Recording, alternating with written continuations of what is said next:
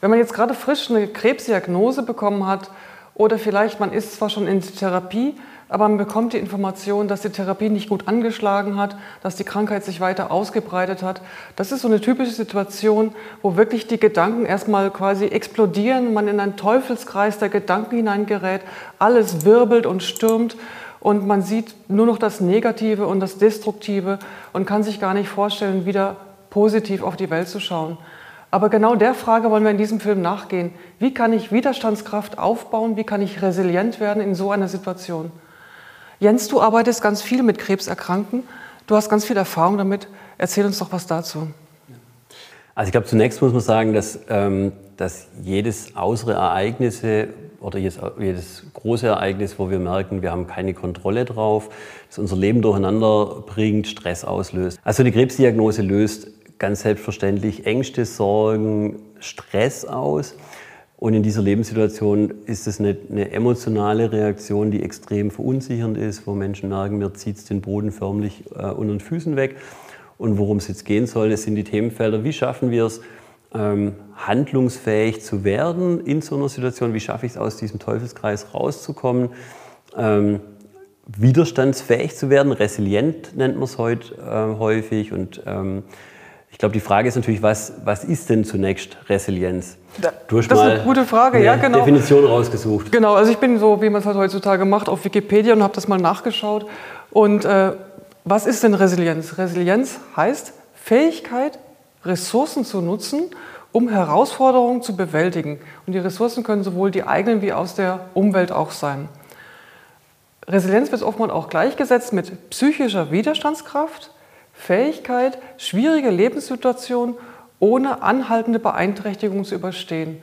Und deswegen haben wir auch immer unser goldenes Gehirn dabei. Das ist ein, wenn man es zusammenquetscht, wird es zwar ganz stark verformt, aber wenn man es wieder loslässt, wird es wieder genauso wie vorher.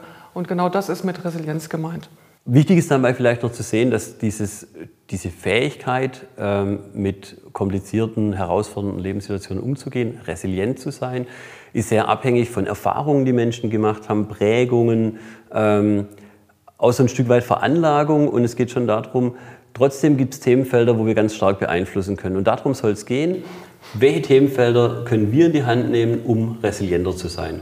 Genau, das finde ich echt einen guten Punkt, weil ich muss sagen, ich finde das oftmals frustrierend, dass immer gesagt wird, das wäre wie angeboren. Ja? Das hilft einem ja nicht weiter, wenn es angeboren ist. Und ähm, es gibt inzwischen aber auch gute Forschung gute Ideen. Es gibt eine Frau Dr. Mary A. Steinhardt, die hat wirklich ein vierstufiges Modell entworfen, wie man in vier Schritten Resilienz lernen kann. Und äh, das wollen wir einfach vorstellen in diesen vier Filmen entsprechend. Ja? Wir wollen sozusagen pro Schritt einen Film machen, wo wir erklären, wie man resilienter werden kann. Und das ist einmal, der erste Schritt ist Stress in Widerstandskraft umwandeln. Der zweite Schritt wäre dann Verantwortung übernehmen. Der dritte Schritt Fokus auf eine konstruktive Bewertung und schlussendlich bedeutsame Beziehungen gestalten. Und äh, das wollen wir dann eben erklären und erläutern, auch Beispiele bringen, damit man sich selber dann daran ja, orientieren kann und es sich so aufbauen kann. Ziel soll sein, dass ähm, jeder von uns was damit anfangen kann. Und ich glaube, jeder kennt es, dass was ist Stress eigentlich im Leben, ähm, zu sehen, dass es zunächst so Alltagsthemen gibt, die so Dauerbelastung sind. Das heißt, dass zum Beispiel eine finanzielle Anspannung, die sich über viele Jahre ziehen kann, oder das Themenfelder sind, dass wenn Kinder nachts nicht schlafen ähm, und, und Schlafmangel herrscht, oder aber auch Themenfelder, wo man merkt, Beziehungen sind schwierig, dass es so Dauerbelastungen im Leben gibt, ähm, ist ein Stressfaktor. Ähm, als zweiten Stressfaktor merkt man, dass Du wolltest das sagen? Ja, einfach weil sozusagen, und das alles eben, wenn man jetzt eine Krebserkrankung genau, hat, ja. Kommt dazu. Und dann kommt das noch oben genau, drauf ja, und dann ist es ja. natürlich dann echt. Äh, ähm, genau. Und die Krebserkrankung genau. wäre so ein bisschen das so belastendes ja. äh, Lebensereignis, also so ganz akute Themenfelder. Mhm. Das wäre so die zweite Ebene von Stress. Und wo wir merken und wo der Letzte dann auch spürt, okay, jetzt bin ich im Stress, sind häufig so Alltagsärgernisse, also mhm. Kleinigkeiten. Und wenn man dann irgendwo im Stau steht und irgendwas klappt nicht, dann potenziert sich einfach alles und man merkt, dass so dieser Dauerstress, der vorher schon geherrscht, hat, ähm, und das akute Lebensereignis, wo man gemerkt hat, die Menschen sind unter Spannung, man selber hat eine, eine hohe Anspannung, aber so dieses Alltagsärgernis, dass ein Strafzettel kommt oder irgendwas, ähm, das bringt dann dazu, echt das dass dann fast zum Überlaufen genau. bringt. Ne? Ja. Mhm. Und das sind aber, glaube ich, Themenfelder, wo jeder was mit anfangen kann, wo man gucken kann, wie lernen wir es damit anders umzugehen. Mhm. Zunächst aber noch zu den Themenfeldern, die Stress auslösen, die nennt man Stressoren. Und da ist es wichtig zu sehen, dass es da ganz unterschiedliche Ebenen gibt. So die eine Ebene ist so eine Dauerbelastung. So eine Dauerbelastung kann sein, dass über Jahre hinweg oder viele Monate eine wirtschaftliche Situation schwierig wird oder aber, dass wenn kleine Kinder da sind, dass man nachts nicht schlafen kann, vielleicht auch manchmal Beziehungen, die schwierig sind. Und, und dann, so knallt noch der Krebs rein. Ne? So, du hast sowieso schon das alles und dann knallt noch der Krebs richtig. rein. Ne? Und das ist dann so ein ganz belastendes Lebensereignis. Mhm. Das ist dann eigentlich schon die zweite Ebene, dass mhm. so auf dieser Dauerstresssituation ein Lebensereignis kommt, wie zum Beispiel eine Krankheit, mhm. ähm, die dann nochmal unvorstellbar viel Stress auslöst. Und als drittes sind dann so Alltagsärgernisse, sprich man bekommt einen Strafzettel, ähm, irgendwas klappt nicht, es ist Stau, ein Termin klappt nicht oder man wartet ewig beim Arzt und diese Alltagsärgernisse führen häufig dazu, dass das fast zum Überlaufen kommt mhm. und dass dieser Stress, der vorher schon bestand und der schon auch viel mit dieser Dauerbelastung und diesem akuten Lebensereignis zu tun hat, dass der dann aber rauskommt und wo Menschen dann auch für sich selber spüren, dass jetzt irgendwo das Fass am Überlaufen ist. Mhm. Wie man damit umgeht, da soll es jetzt das, drum gehen. Genau, das wollen wir jetzt genau besprechen. Zunächst ist, glaube ich, wichtig auch zu sehen, dass diese Stressoren, die, die irgendwas bei uns auslösen, schon auch ähm, ganz viel mit Interpretation zu tun haben. Das heißt, die Sache, wie schaue ich auf ein Themenfeld, macht ganz viel aus, wie wir damit umgehen können. Und deutlich wird es, glaube ich, wenn man so ein bisschen in den Arbeitsalltag reinschaut und überlegt, dass es zum Beispiel Prozessabläufe in einem Betrieb sich verändern, dann stellt man fest, dass es Menschen gibt, die können mit dieser Veränderung gut umgehen und die sehen vielleicht eine Veränderung auch als positive Chance, dass Sachen besser werden können.